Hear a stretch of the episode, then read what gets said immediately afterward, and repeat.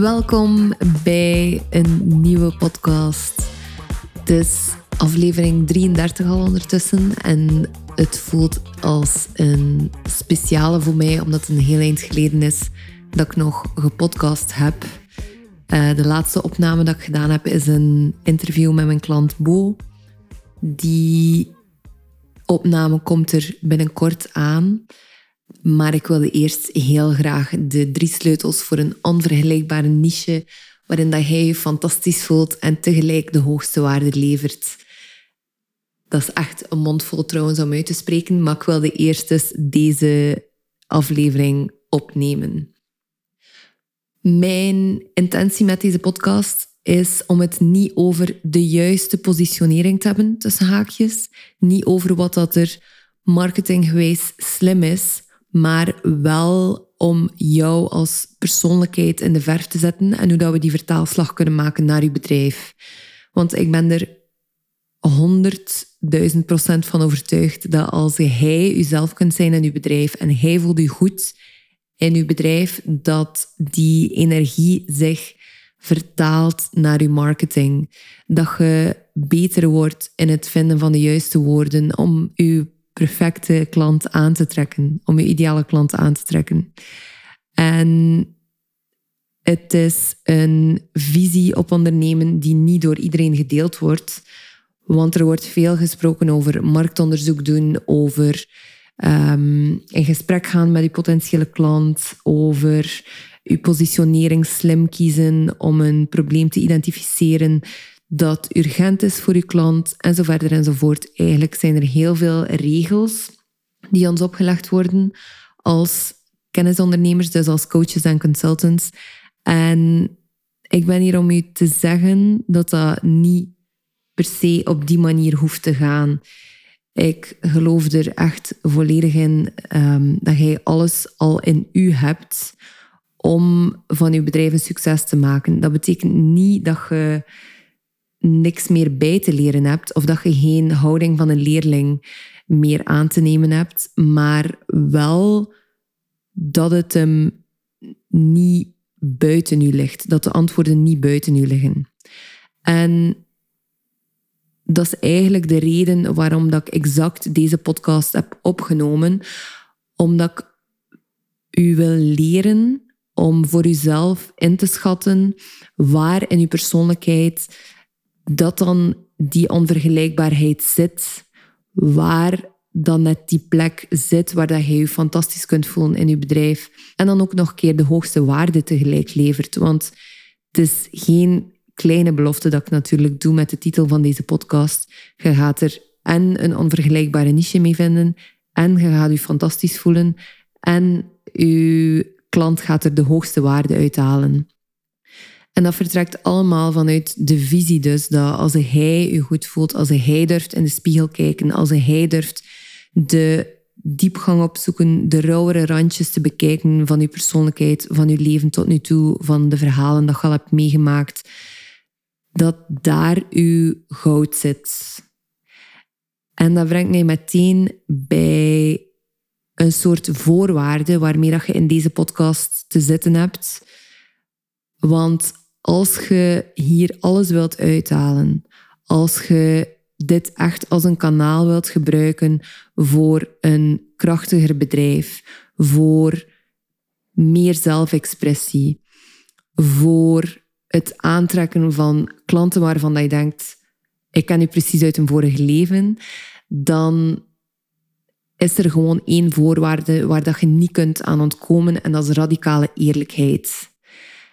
En ik ga je nu ook al meegeven, als je daar geen zin in hebt of je denkt van, dat is niks voor mij, ik doe liever gewoon verder zoals dat ik bezig ben, waarbij dat het wel draait, waarbij dat mijn bedrijf uh, wel zijn leven aan het leiden is. En ik gedij daar op zich wel in maar het is niet dat ik mij echt fantastisch voel, dan zou ik zeggen, stop hier gerust met naar de opname te luisteren.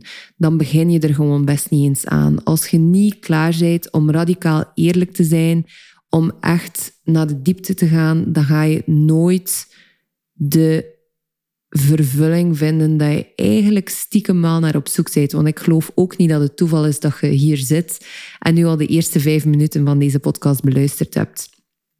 Dus radicale eerlijkheid is echt een voorwaarde om hier alles te kunnen uithalen. En met alles bedoel ik niet vanuit een perfectionistisch kantje alles, maar om hier echt wel zo de juice te kunnen uitsqueezen uit deze aflevering.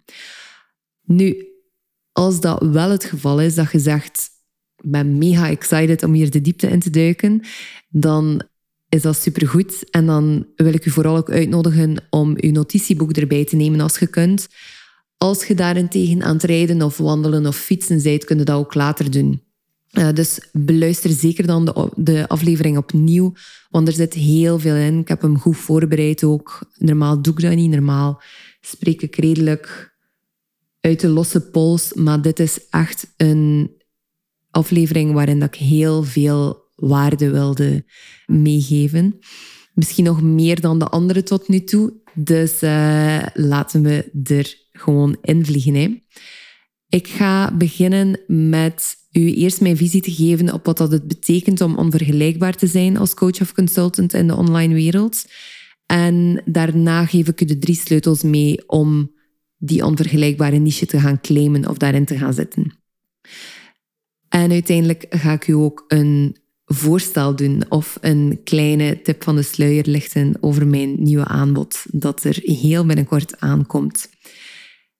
Onvergelijkbaar, wat betekent het precies? Ik ben mij meer en meer aan het verdiepen in het topic, omdat een heel typische trend dat ik momenteel online zie, is copy-pasten. En soms gebeurt dat op een heel letterlijke manier. Misschien heb je ooit wel posts zien passeren van... Oh my god, iemand heeft mij uh, gekopieerd. Ik zet met een copycat, help.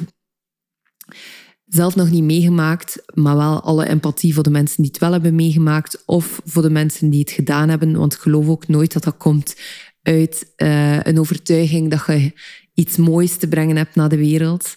Um, maar eerder uit de angst dat wat hij zou brengen niet goed genoeg is.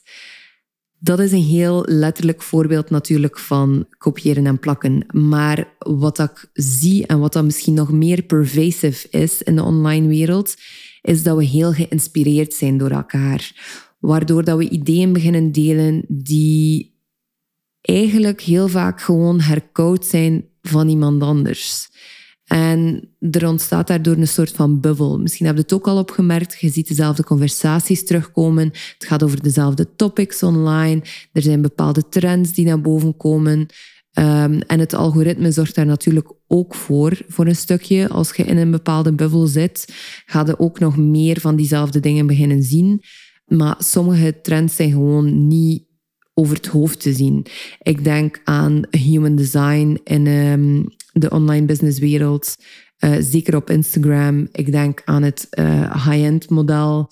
Ik denk aan termen als leiderschap en zo verder. En ik ga ook eerlijk zijn, ik gebruik die termen ook allemaal, of ik ben me daar ook allemaal in aan het beginnen verdiepen. Maar de kunst is om je er bewust van te zijn dat het eventueel trends zijn of dat het um, bepaalde zaken zijn die tijdelijk zijn. En om je af te vragen van, is het iets waarbij of waarin dat ik geloof op lange termijn ook. Niet dat je dat bij alles al moet weten op voorhand, maar het kan interessant zijn om het u te gaan afvragen. Dus we zitten eigenlijk in een soort van bubbel. En ik geloof dat de basis daarvan is dat we angst hebben of bang zijn eigenlijk om ideeën te delen die uniek en misschien soms wat bizar kunnen zijn. Want ik geloof dat als je helemaal in je eigenheid zit, dat je soms dingen gaat delen die niet gaan binnenkomen bij je publiek, waarvan dat mensen gaan zeggen, maar wat, waar zijn hij nu over bezig? Dat kennen we helemaal niet. En dat is eigenlijk helemaal eigen aan iemand die innovatief is, aan de mavericks, aan de mensen die de industrie niet willen helemaal omkeren, maar die ze willen helpen leiden, die aan ja, de forefront ervan willen staan. En dat zijn voor mij de mensen die onvergelijkbare niches creëren. Het zijn degenen die durven weggaan van een online platform. Het zijn degenen die durven in de natuur gaan kijken. Het zijn degenen die echt nog fysiek dingen aan het creëren zijn en van daaruit ideeën krijgen en die dan gaan vertalen naar online. In plaats van alles, alles online te doen, waardoor dat we ja, in die bizarre whirlwind terechtkomen van dezelfde conversaties en trends en zo verder. Nu, dat is mijn visie op onvergelijkbaar zijn. En nu kun je denken van, ja, klinkt fijn, klinkt goed, maar waarom zou ik het willen? En aan de andere kant kan het ook al evident voor u zijn, aangezien dat de industrie gewoon sneller en sneller verzadigd geraakt. En dat er een soort van systeem ontstaat waarbij dat er een aantal gevestigde waarden zijn en al de rest gaat er zo wat rond gaan hangen en ofwel gaan kopiëren ofwel iets gaan doen dat erop lijkt. Um, maar de meeste gevestigde waarden zijn er eerlijk gezegd al nu. Um, bijvoorbeeld Instagram is echt op een punt aan het komen waarbij dat maturiteit aan het verwerven is, waarbij dat het niet meer zo is dat als je een post plaatst, dat je uh, massa's organic reach hebt. Integendeel, reach is ja, zogezegd moeilijker dan ooit te krijgen. Als het geen reel is, dan kun je er bijna op vertrouwen dat je geen gigantisch bereik zult hebben, tenzij dat een heel shareable stuk content is. Dus um, de markt is, en de industrie is eigenlijk gewoon aan het veranderen. En alleen al daarom is het interessant om te gaan bedenken of te gaan kijken en dieper in jezelf te graven om te zien wat dat u en wat dat uw brand onvergelijkbaar maakt, zodat je het specifiek kunt maken, zodat je um, een heel specifiek type klant ook kunt helpen. Uh, ik geloof heel sterk in niet in positionering vanuit het strategische standpunt, maar wel in specificity. Vroeger was ik copywriter en ook daar was dat een enorm voordeel als je specifiek kon zijn.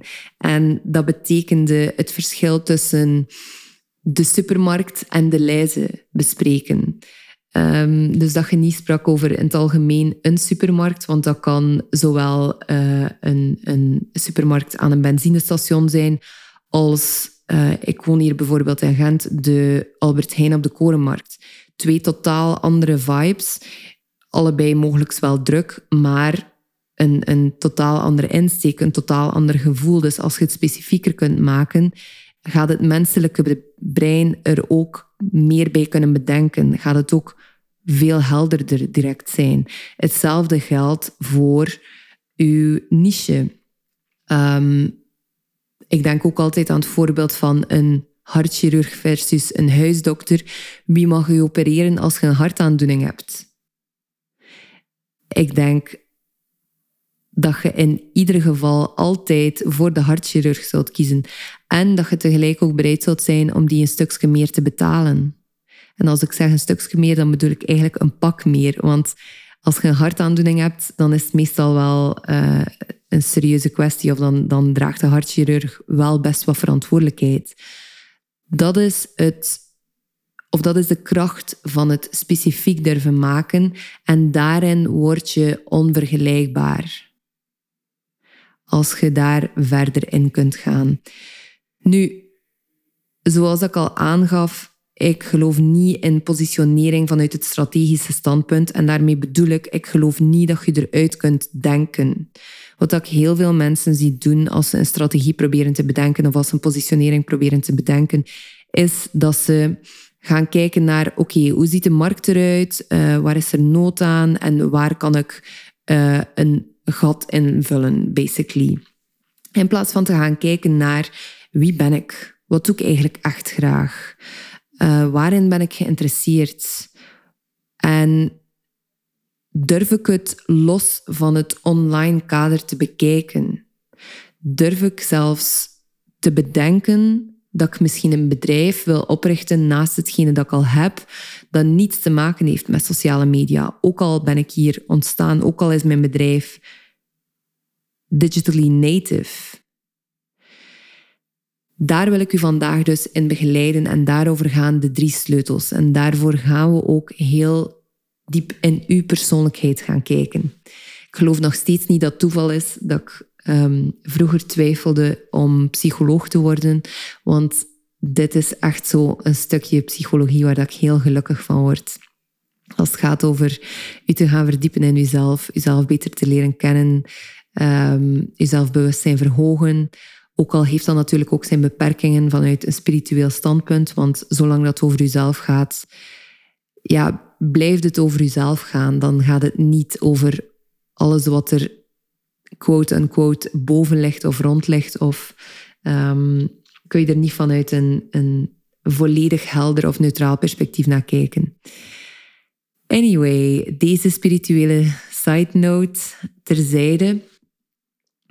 De eerste sleutel voor je onvergelijkbare niche te creëren is het onderzoeken van schaamte.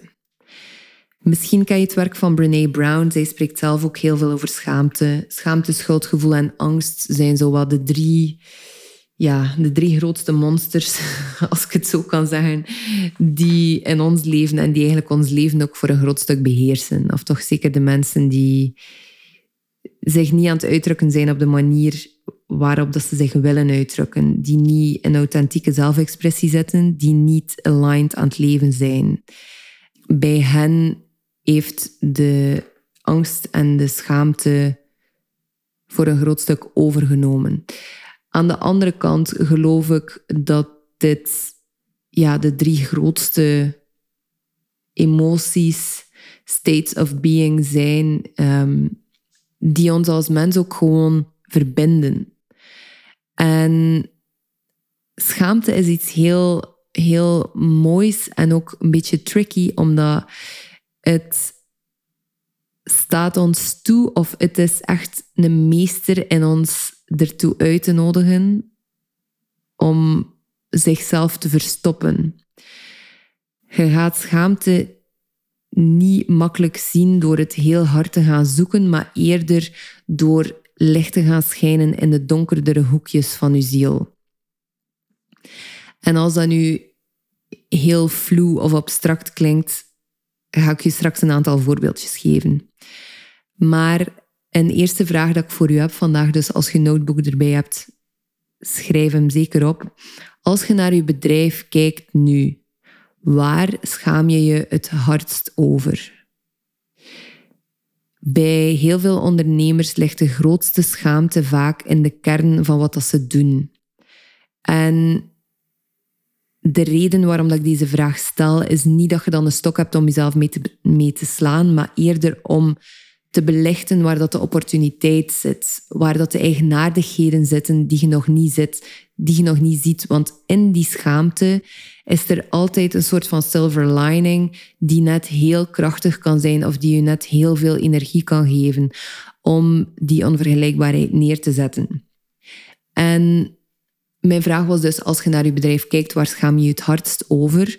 En dan een tweede oefening of een tweede vraag is, hoe zou een vriend of een familielid, iemand die je heel graag ziet, erover praten als je erover zou delen? En hoe zou die je hierover troosten tussen haakjes? Ik geloof niet dat emoties als schaamte, angst en schuldgevoel, dat ze er zijn per se um, om opgelost te worden. Ik geloof niet dat mensen u moeten troosten als je niet goed voelt of eh, als je in, in heel sterke patronen blijft zitten, tot op het punt dat ze hun eigen grenzen overschrijden. Ik geloof dat emoties of states of being als angst, schaamte en schuldgevoel er zijn om gezien te worden. Dat is het. Daar stopt het. En natuurlijk als iemand zijt die op dat moment dat je die emoties ervaart, graag bij andere mensen bent en dat je graag getroost wordt, zou ik dat zeker durven aangeven. Maar op zich, het feit dat die emoties er zijn, is niet goed of het is niet slecht. Ze zijn er gewoon. Het is gewoon een deel van je patroon, van de manier waarop je momenteel als mens in elkaar zit. En ze gaan ook niet weggaan. Ze gaan nooit volledig weggaan, want ze zijn deel van je mens zijn. Net zoals als je kijkt naar money mindset werk, scarcity verdwijnt niet. Het is ook de bedoeling niet voor scarcity om te verdwijnen. Scarcity is deel van het geheel. Het mag gewoon geïntegreerd worden in een meer abundant leven. Maar het ene is niet beter dan het andere. Woede is niet slechter dan joy of geluk voelen. Schaamte is niet slechter dan enthousiasme. Het zijn gewoon twee verschillende states of being. Anyway, kleine side note. Maar dus als iemand um, vanuit liefde naar u zou kijken, naar het stukje waar dat je u het hardst over schaamt in uw bedrijf, wat zouden zij dan zeggen? En ik ga u twee voorbeeldjes geven om aan te tonen hoe dat je het bij jezelf ook kunt vaststellen waar dat die schaamte zit en wat dat je ermee kunt aanvangen. Los van ze gewoon te zien voor wat dat ze is. Het eerste voorbeeld is, stel dat je een ademtherapeut bent, dus je helpt mensen om zichzelf beter te voelen, om trauma te, te laten zien, te herstellen via de adem. Maar je bent ook een roker. En eigenlijk een regelmatige roker. Dus niet zomaar heel sporadisch een keer, maar echt een regelmatige roker. En daar schaam je je voor, want als je denkt aan ademtherapie, dan denk je ja, de kracht van je longen gaan gebruiken om jezelf te healen en om jezelf te helpen. Maar dan aan de andere kant rook je ook, dus dan schaadt je ook je longen. Dat past op zich niet samen. En dat kan, stel dat je in die situatie zit, dat kan zorgen voor een gevoel van, ja, een soort van gebrek aan integriteit. En aan de andere kant, als iemand die u graag ziet erop zou kijken, iemand die heel veel inner work gedaan heeft, iemand die u niet veroordeelt voor wie dat je bent, voor wat dat je doet, dan gaat hij ook gewoon zeggen van, je bent ook gewoon mens. Mag het zachter zijn? Mag je vanuit zachtheid jezelf benaderen? Mag je jezelf vergeven dat er een soort van discrepantie is tussen het feit dat je ademtherapeut bent en regelmatig rookt. En ik bedoel hier niet mee dat als je het perspectief neemt van die vriend of vriendin, dat dat wil zeggen dat je helemaal neutraal kijkt naar het roken. Je kunt als vriend of vriendin ook zoiets hebben van, mm, ja, het zou toch handiger zijn moest je niet roken. Maar die persoon heeft een verslaving en is, het is gewoon voor een stuk deel geworden van zijn of haar identiteit. Dus kan het dan naast elkaar bestaan? Ik geloof het persoonlijk wel. Nu, roken is natuurlijk ook een tricky onderwerp, want er bestaan heel veel, of ja, er bestaat weinig verdeelde mening over, of de wetenschap um, heeft er wel een heel duidelijk beeld op ondertussen, op de effecten ervan. Maar ik ga nooit iemand veroordelen voor het feit dat ze roken. Um, ik geloof dat iedereen zijn eigen beslissingen maakt. Maar daar gaat het ook op zich eigenlijk niet over, want we zijn ons aan het verplaatsen in de plek van de ondernemer in kwestie, dus van de ademtherapeut. Dat was eigenlijk een eerste voorbeeld. Een tweede voorbeeld dan is een marketingcoach, wiens marketing nog niet zo in elkaar zit dat ze op automatische wijze klanten aantrekt. Dus de content converteert nog niet helemaal. Wat zou een vriend of een vriendin tegen die persoon zeggen die de persoon in kwestie graag ziet. Misschien zegt ze wel van, je mag jezelf de ruimte geven om het te leren. Ehm, en misschien komt nog niet iedereen op, meteen op je af, maar heb je wel al een aantal interessante gesprekken gekregen op basis van je content, omdat je ideeën durft te delen die uniek zijn, die nieuw zijn. Dus dat zijn de twee voorbeeldjes waarmee dat ik wil werken als het gaat over schaamte onderzoeken. En eigenlijk kun je dit nu ook verder zetten door te verdiepen en te zeggen van hoe komt het nu dat bij deze twee voorbeelden dat er een, een overlap is? Misschien zie je het al, hoe dat het in elkaar zit of waar dat de schaamte zich precies gaat nestelen. En dat is heel vaak in het verhaal van dit is mijn niche, ik zou dit toch moeten kunnen. Ik ben ademtherapeut, ik zou toch niet mogen roken. Ik ben marketingcoach, ik zou toch moeten kunnen klanten aantrekken via mijn marketing. Voel je ook al aan alleen al de verwoording dat ik gebruik dat er een oordeel op zit? Het zou toch anders moeten zijn. Ik zou dit toch moeten kunnen. Of moeten kunnen laten als het dan gaat over roken. En ik geloof net dat waar dat dan dat oordeel zit, dat oordeel komt trouwens voort uit die schaamte. Het zou moeten anders zijn. Dat is eigenlijk een trucje van ons brein als we er een oordeel op leggen dat er schaamte onder zit, want het is een manier om er niet naar te moeten kijken. Het is een manier om niet te moeten zeggen van ik ben een roker en tegelijk ben ik ademtherapeut. En als we het eventjes omkeren, als je kijkt dan naar het verschil of naar de, de ruimte tussen wie dat je nu bent en waar dat je wilt geraken, welke resultaten dat je wilt kunnen neerzetten. Wat als de struggle of wat als de space daartussen net het interessante is voor u, net de schoonheid is van wat dat je doet. Wat als je jezelf daardoor net meer kunt onderscheiden? Ik denk bijvoorbeeld, stel dat jij ademtherapeut kunt zijn voor mensen die roken, heel specifiek. Of je wordt marketingcoach voor ondernemers die graag en veel willen connecten om op lange termijn een netwerk te verdiepen en uit te breiden. In plaats van ondernemers aan te trekken die echt op korte termijn conversie en quick fixes willen. Hoe kun je van dat rauwe, donkere randje je goud maken? Dat is de kracht van schaamte onderzoeken. Ik ben echt super benieuwd wat dat voor u in gang zet. Als ik nog even de vragen herhaal. Als je nu naar je bedrijf kijkt, waar schaam je je het hardst over? En hoe zou een vriend of een familielid die je graag ziet erover praten als je getroost zou worden hierover? Dat was eigenlijk de eerste sleutel. De tweede sleutel gaat over het copy-pasten, waarover dat ik het in de inleiding ook had.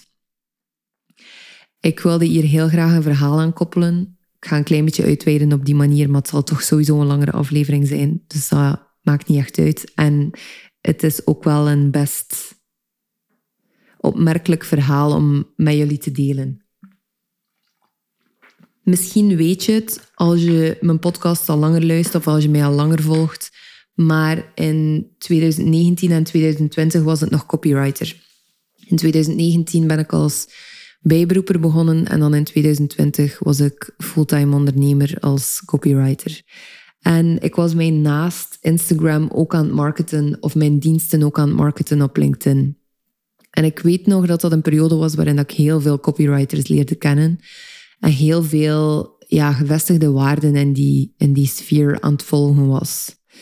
En op een bepaald moment ben ik op LinkedIn iemand tegengekomen die ik heel interessant vond. Die ook wel echt op de typische manier, uh, zo met heel veel white space tussen, uh, tussen iedere zin aan het communiceren was. Maar de manier waarop dat hij schreef was zo interessant en aantrekkelijk. En hij was zichzelf duidelijk iedere keer opnieuw en opnieuw aan het heruitvinden. En tegelijk had hij ook duidelijke templates of duidelijke richtlijnen voor zichzelf gecreëerd om snel en veel content te kunnen produceren. En op een bepaald moment had ik een post gelezen van hem, uh, was ik zelf ook content aan het creëren en je hoort mij al aankomen. Ik had een soort van template van hem overgenomen. Dus ik had oprecht geprobeerd om de structuur over te nemen. Het was een post dat ik super waardevol vond van hem. Ik weet niet meer precies waarover dat gaat. Denk eigenlijk over copywriting zelf. En ja, ik voelde mij helemaal geïnspireerd. En vanuit die inspiratie natuurlijk is er meer gekopieerd geweest dan enkel de structuur. En op een bepaald moment heeft er iemand het laten weten aan hem. Iemand die mijn post heeft zien passeren, had een bericht gestuurd naar hem en gezegd dat er een, bepaalde juffrouw was op uh, LinkedIn die aan het copy-pasten was. En ik was praktisch 100% ervan overtuigd dat het over mij ging, want de persoon in kwestie volgde mij ook of had de post ook gezien van mij. En ja, er was geen twijfel mogelijk dat het over mij ging. En ik was oprecht helemaal verbouwereerd en helemaal van mijn melk. Uh, of helemaal in shock ook toen dat ik het meemaakte. In de eerste plaats al de manier waarop dat hij zelf dan communiceerde erover. Want dan heeft hij er een post over geschreven over het principe van copycats en over ja, hoe dat je jezelf daar eigenlijk echt geen plezier mee doet. En ik volgde hem er ook wel in, maar ik zat nog op het punt dat, het niet, dat ik niet klaar was om mijn eigen content of mijn eigen ideeën te gaan, te gaan uitwerken. Dat is ook snel veranderd nadien. Maar de belangrijkste les dat ik hieruit dus heb meegenomen, is het, dat er bewustzijn nodig is om te kunnen vaststellen wat, dat er, aan de hand, eh, wat dat er aan de hand is. En wat dat er bij mij op dat moment aan de hand was, was dat ik het nog allemaal spannend vond om het voor klanten ook te doen, omdat ik zelf aan het leren was. En we gaan enkel copy-pasten als er onzekerheid zit onder ons eigen werk of als we zodanig geïnspireerd worden door de ander. En in dit geval was het een combinatie van beide. Het ding is natuurlijk, als je het zelf zou doen, dus als ik mij niet had laten inspireren door de copywriter in kwestie, dan ging ik sowieso het risico lopen dat het niet zou onthaald worden zoals dat ik gewild had. En aan de andere kant ben je dan wel jezelf gebleven. Dus ik wil u bij deze uitnodigen aan de hand van mijn, uh, van mijn mooie anekdote, um, van mijn eigen onnozel verhaal, dat het u op lange termijn heel weinig oplevert om te copy-pasten op bewust of onbewust niveau. En als je het op een bewust niveau begint te doen, zal het universum het u sowieso wel nog teruggeven. Misschien niet zo letterlijk uh, in de vorm dat ik nu heb meegemaakt, maar op een meer subtiele wijze kan dat ook. Maar ik wil u vooral uitnodigen om uw eigen ideeën te blijven uitwerken, cultiveren, om er rust en ruimte voor uit te nemen, om die te gaan uitvoeren, omdat het gewoon zo belangrijk is om, ja, om uzelf als artiest in uw onderneming te kunnen uitdrukken. Want ik geloof niet dat het toeval is dat je hier zit en dat je luistert naar dit verhaal, omdat een deel van u is ook een artiest, is ook de visionair, is ook iemand die op lange termijn moet en wil kunnen denken. Je hebt zoveel keuzes te maken als je ondernemer bent. En dan heb ik het niet enkel over het creatieve stuk van het, van het creëren van je marketing, maar ook zelfs over beslissingen als waar ga ik mezelf marketen, waarin ga ik investeren, Ehm, hoe wil ik mezelf uitdrukken? Hoe wil ik mezelf kleden? Op welke platformen wil ik mezelf laten zien? Is dat offline, op een podium, op een event? Is dat online? Dat zijn allemaal keuzes die eigenlijk ook ervoor zorgen dat je uniek en onvergelijkbaar wordt. Want er is niemand die dezelfde mix als jij gaat maken. En zelf als dezelfde mix er geweest is, zelf als je iemand tegenkomt van wie dat je denkt, holy moly, ons leven is precies parallel gelopen of zo, dan gaan er nog parameters anders geweest zijn. Dan gaat de inhoud van de niche dat je je momenteel in bevindt altijd slightly anders zijn. Dan ga je misschien de ademtherapeut zijn voor de rokers in plaats van de ademtherapeut voor kinderen, ik zeg maar iets. Um, dus als je je laat inspireren, zeker als het over een, een heel creatief iets gaat als content creëren, wees u bewust van het feit dat er inherent super creatieve, unieke ideeën in u zitten en dat die er enkel kunnen uitkomen als hij de tijd en ruimte kunt nemen om het stil te maken. Als hij de tijd en ruimte neemt om uw zelfbewustzijn te verhogen. Als hij durft het risico lopen om content te creëren die niet onthaald is zoals dat je zou willen. Niet met open armen. Op korte termijn. En om u te begeleiden in de vraag van waar ben je nog aan het copy-pasten en waar kan het anders, waar kun je meer van jezelf beginnen tonen, heb ik een aantal vragen ook voor u. Dus als je uw uh, notebook erbij hebt, nu is het moment. Maar hoe origineel is uw content volgens u? Als je nu een keer heel neutraal ernaar kijkt, neem uw meest gebruikte social medium erbij of neem um, uw, uw, een overzicht met marketing assets dat je hebt erbij. Hoe origineel is uw content effectief? En waarop inspireer je u om ze uit te schrijven?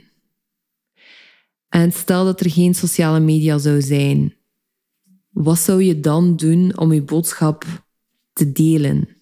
Via welke kanalen zou je gaan? Dus je kunt je niet gaan marketen op Facebook, niet op ehm, Instagram, niet op LinkedIn, niet op TikTok. Alles van sociale media is weg. Doe even de oefening nu met mij. Zou je op events willen gaan spreken? Zou je een kantoor in de stad huren waar dan mensen voorbij lopen? Zou je partnerships aangaan met andere brands? Zou je een podcast vind ik persoonlijk geen uh, sociaal medium, dat is meer een contentplatform. Dus zou je een podcast starten of verder uitwerken als leadstrategie? Zou je een YouTube-kanaal starten? Is volgens mij ook geen sociaal medium, maar daarover valt er te discussiëren. Dus vraag u af wat je zou doen als het niet via sociale media zou kunnen gaan. Zou je brieven schrijven en uitsturen? Zou je e-mail marketing toepassen? Misschien doe je nu sowieso al een combinatie van van alles, maar wat zou er gebeuren als je niks meer van social zou hebben? En een tweede belangrijkste vraag over het copy-pasten dat ik u wil vragen is: hoe origineel is uw niche? En als je heel eerlijk bent, hoor je er wel in thuis? Doordat er zoveel gecopy-paste wordt en doordat er zoveel business coaches zijn die bepaalde dingen aan het preachen zijn, krijgen we heel gelijkaardige niches op de duur. En soms kan het moeilijk ook zijn, of soms is het gewoon deel van je pad om in te schatten of dat een niche nu wel bij je past of niet. Maar ik denk eerlijk gezegd dat er heel veel mensen nog niet op hun plaats zitten. En ik ga ook heel eerlijk zijn, ik heb daar zelf ook mee gestruggeld toen ik puur high-end werkte. Uh, eind vorig jaar was dat helemaal de niche waar waarin dat ik mij verder wilde verdiepen. En ik heb daar echt mee gestruggeld. Uh, waarschijnlijk ook omdat ik een manifesting generator ben en heel veel nood heb aan verschillende, verschillende topics, verschillende lagen in mijn bedrijf. Inspiratie ook van verschillende plekken. En ik ben al zeker niet goed in het verkopen van één high-end aanbod. Ik, heb, ja, ik ging daaraan dood. Mijn bedrijf was, uh, voelde echt een beetje doods aan op de duur. Dus vraag u af hoe origineel dat uw niche is, welke woorden dat je ervoor gebruikt om je klanten aan te trekken en hoor je er zelf wel in thuis? Past het wel bij u? Klopt het wat dat je doet? Is het aligned? Dat is de tweede sleutel waarin dat we onderzoeken waar dat je nog aan het copy-pasten bent. Een derde sleutel en de laatste sleutel voor vandaag, uh, of voor deze aflevering, is waar zijn jij en je bedrijf nog twee verschillende entiteiten? En voordat je misschien denkt van, oh, uh, is het niet belangrijk dat we effectief twee verschillende entiteiten zijn en dat er een verschil is en dat ik niet mijn bedrijf ben. Ik heb een hele periode gehad waarin dat ik dat geloofd heb en ondertussen ben ik daar eigenlijk niet meer van overtuigd. Vroeger dacht ik altijd dat ik op zoek moest naar een soort van work-life balance en dat het echt niet gezond was als mijn bedrijf ja, helemaal aan mij hing voor een stuk. Nu geloof ik nog steeds niet dat dat echt gezond is als ik geloof dat mijn bedrijf een soort van verlengde van mij is. Maar het is wel een reflectie van mij. En het is ook zo dat als ik het vormgeef op de manier dat ik zelf interessant vind, dat ik zelf inspirerend vind, dat het mijn cup ook echt bijvult in plaats van draining is. Als je vervullend werk doet, dan is dat ongelooflijk zeker. Ja, als je, ik ben daar weer met human design, maar als je generator of manifesting generator bent en je doet vervullend werk, dan kun je daar gewoon in blijven gaan. Afhankelijk van de inhoud natuurlijk, maar zoals ik zeg, als vervullend is, dan is er weinig stoppen aan. Ik heb bijvoorbeeld geen probleem, moest ik een hele week podcasten. Ik zou dat best wel leuk vinden. Ik zou het uitdagend vinden om iedere keer verschillende invalshoeken te vinden. Maar dat is zeker iets wat dat zou, zou kunnen. Anyway, waar zijn jij en je bedrijf, dus twee verschillende entiteiten nog? En een signaal dat kan aangeven dat je je bedrijf nog als iets helemaal los ziet van jezelf, is een gedachte als dat kan ik toch niet doen in mijn bedrijf. Je hebt net een idee gehad, iets dat je inspireert, iets dat je leuk vindt, en dan denkt je direct van dat kan ik toch niet doen in mijn bedrijf. Of dat zou helemaal niet strategisch zijn. Dat zijn gedachten die de moeite waard zijn om langer bij stil te staan. Want die geven ook aan dat je alles vanuit een soort strategische bril probeert te zien, waarmee dat je op de duur dan ook je eigen plezier en geluk aan het soort van doodslaan of, of toeknijpen zijt. Als alles slim moet zijn, dan zit er geen leven meer in je bedrijf als alles doordacht moest zijn op voorhand, dan ben je eigenlijk gewoon vanuit het verleden aan het ondernemen. Als je kunt loslaten wat dat er in je verleden ligt en gebeurd is en wat, dat er, wat dat je momenteel voor jezelf in de toekomst ziet, als je daar onthecht van kunt zijn, dan is alles mogelijk. Dan is alles mogelijk. En dat geeft zoveel vrijheid, schoonheid en levendigheid aan je bedrijf en aan de manier waarop dat je erin staat. Dus vraag jezelf af waar dat je jezelf niet in je bedrijf ziet passen of waar dat jullie twee verschillende entiteiten zijn. Ik begon na verloop van tijd, dus als ik helemaal op high-end geniched zat, eigenlijk niet meer geïnspireerd te zijn door mijn eigen aanbod. Dat is een heel duidelijk teken dat het niet meer bij mij paste. Dat mijn bedrijf en ik eigenlijk niet meer aligned waren. Maar het vraagt zelfbewustzijn om dat op dat moment te kunnen zien en voelen en daar ook naar te kunnen handelen. En tegelijk kun je ook afvragen, ja, wat is er mis met door te bouwen aan wat er al staat? Daarom is het zo belangrijk om te kunnen volgens je eigen autoriteit leven en ondernemen. Om enkel naar jezelf te luisteren en om je coaches of je mentoren te zien als ondersteuning daaraan, maar niet als beslissende factor. Heel de wereld mag zeggen dat je een bepaald iets niet moet doen, maar als hij het gevoel hebt van ik moet dit doen, dit is mijn pad, dan is er gewoon geen ontkomen aan. Ook al vind het misschien super spannend of is het een keuze die niet logisch lijkt voor de wereld. Of zelfs voor jezelf. Misschien denk je ook van, ik word hier naartoe getrokken en ik weet in godsnaam niet hoe dat, dat mij gaat helpen of hoe dat mij mijn bedrijf gaat doen groeien. Het is pas nadien dat je de dots gaat kunnen connecten. Ik denk dat Steve Jobs was die op een bepaald moment ook zei van dat hij lessen calligrafie en zo verder volgde. En dat het allemaal eigenlijk niet veel steek hield, totdat hij nadien alle dots geconnect had en die lessen calligrafie heel interessant geweest waren op het moment dat hij voor Apple hielp met de typografie, de typografie.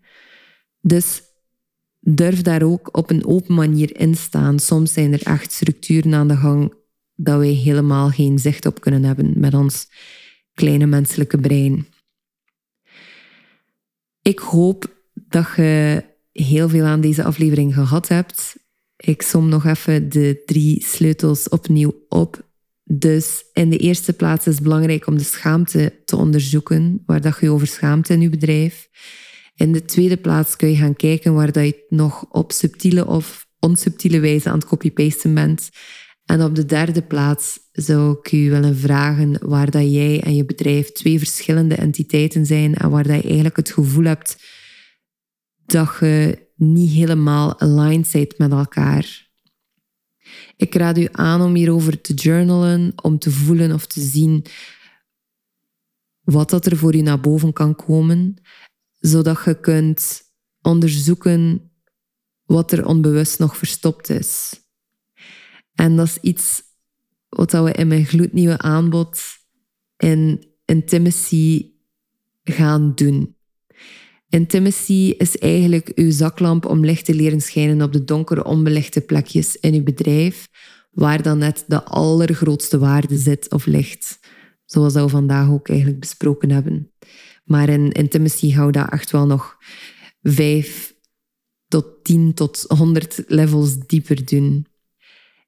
Ik nodig u heel graag uit om op de hoogte te blijven van intimacy, want vanaf volgende week gaan de deuren open. Ik doe nu in het uh, laatste kwartaal van 2022 een lancering waarbij dat je echt aan een heel voordelige prijs zult kunnen instappen. Die prijs zal binnenkort gedeeld worden op Instagram en de verdere details zullen ook gedeeld worden. Ik ga ook vanaf volgende week dan de link naar de salespage bij de podcast toevoegen. En dan kun je ook inschrijven vanaf daar. Maar kan u alleszins garanderen, het wordt echt de max. Ik ben ongelooflijk enthousiast hierover. Ik geloof dat het super waardevol is. Dat het eigenlijk ook een stuk underpriced is. En dat het iets is wat dat de markt nog niet gezien heeft op, uh, op Instagram en op LinkedIn. En op alle andere plekken waar dat ik mezelf market.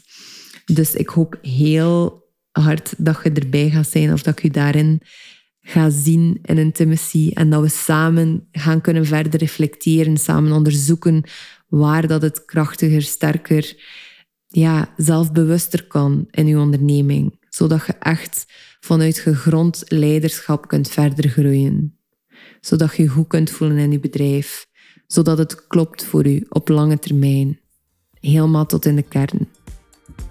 Dankjewel om te luisteren en tot in de volgende aflevering.